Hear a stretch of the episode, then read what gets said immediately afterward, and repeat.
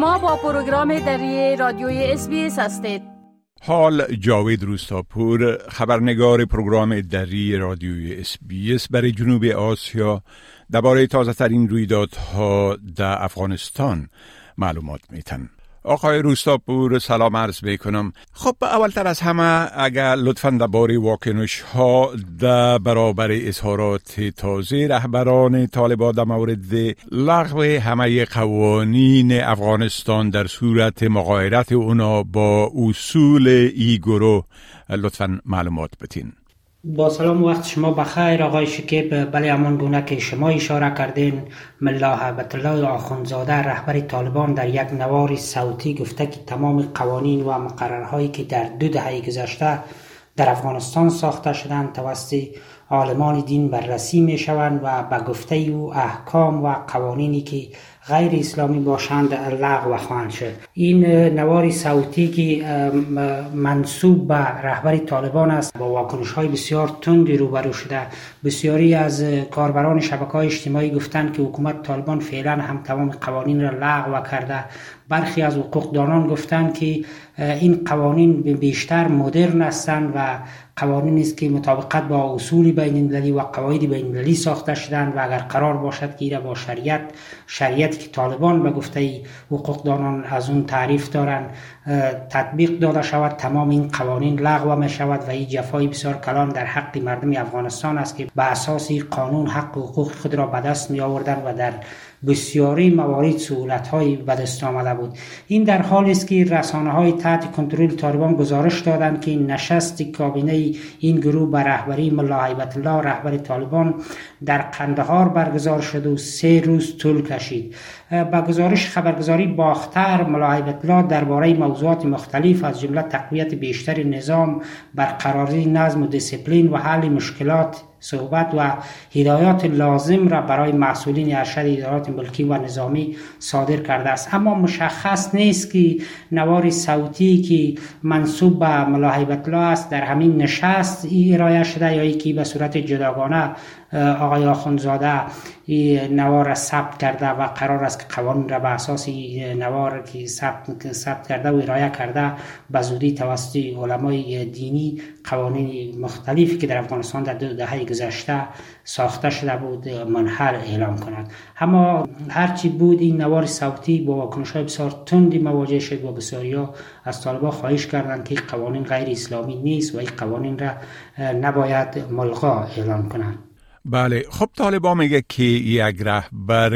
داعش دستگیر کردن. میشه که در این باره لطفا معلومات بتین بله ریاست عمومی استخبارات حکومت طالبان از بازداشت مسئول جلب و جذب گروه داعش در ولایت ننگرهار در شرق افغانستان خبر داده است. استخبارات طالبان اعلام کرده که نیروهای این اداره در یک عملیات پیچیده فردی به نام شرافت فرزند رحمتگل باشنده منطقه شولانه از ولسوالی چپرهار ولایت ننگرهار را بازداشت کردند. به اساس اعلامیه استخبارات طالبان فردی بازداشت شده از سال 1396 با گروه داعش همکاری داشته و در این مدت در قتل تعداد زیادی از افراد دست داشته است. فرد بازداشت شده همچنین در یک نوار کوتاهی که از طرف استخبارات طالبان ثبت شده پس از بازداشت او اعتراف کرده که از سال 96 18 تن را با استفاده از تفنگچه بی صدا در شهر جلال آباد مرکز ولایت ننگرهار و ولسوالی چپرهار به قتل رسانده است. این در حالی است که طالبان اعلام کردند بارها گفتند که داعش در افغانستان به ویژه در ولایت شرقی که ننگرهار مرکزی پایگاه داعش بود به شدت ضعیف شده و این گروه دیگر توان عملیات یا حملات را در برابر نیروهای طالبان ندارند. اما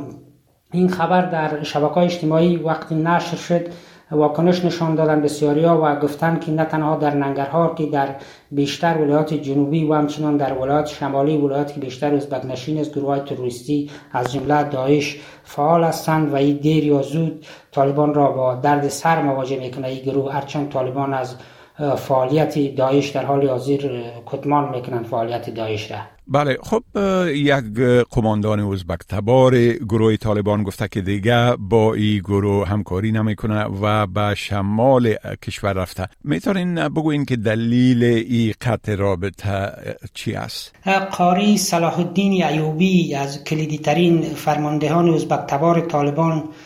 در اعتراض به آنچه که سیاست های قومگرایانه قومگرایانه خوانده می شود با گروه طالبان قطع رابطه کرده است قاری صلاح الدین کابل را ترک کرده و به پایگاه خود در ولایت فاریاب در به شمال افغانستان رفته و گفته میشه با افراد زیر دستش در اینجا در حال آماده باش است. در یک نوار تصویری که از این فرمانده طالبان در شبکه اجتماعی دست به دست می شود او می گوید که تا زمانی که اصلاحات عمده در ساختار دولت طالبان ایجاد نشود با این گروه قطع همکاری می کند و با طالبان دیگر کار نمی کند تشکیل حکومت فراگیر حق کامل دسترسی زنان و کار و آموزش و توقف غصب زمین های مردم به گفته او از مواردی است که گفته باید این موارد توقف پیدا کنند و او دوباره با حکومت طالبان حاضر است که همکاری کند.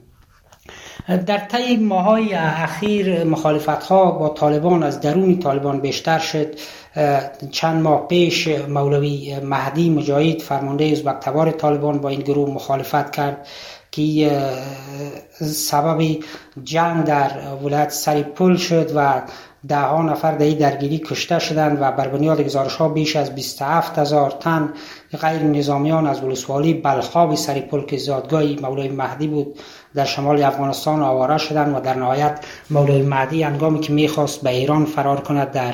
ولایت هرات بازداشت و توسط طالبان کشته شد. همچنان در هفته گذشته دو فرمانده طالبان گزارش شد که در ولایت بلخشان با افراد زیر دستشان به گروه مخالف مسلح طالبان که جبهه مقاومت است پیوستند و در حال حاضر در ولسوالی راغستان کشم و منطقه شیوه که مربوط ولسوالی شغنان می شود در جنگ با نیروهای طالبان قرار دارند. ای بود جاوید روستاپور خبرنگار پروگرام دری برای جنوبی آسیا که درباره تحولات تازه در افغانستان معلومات داد. بپسندید، شریک سازید و نظر دهید. SBS دری را در فیسبوک تعقیب کنید.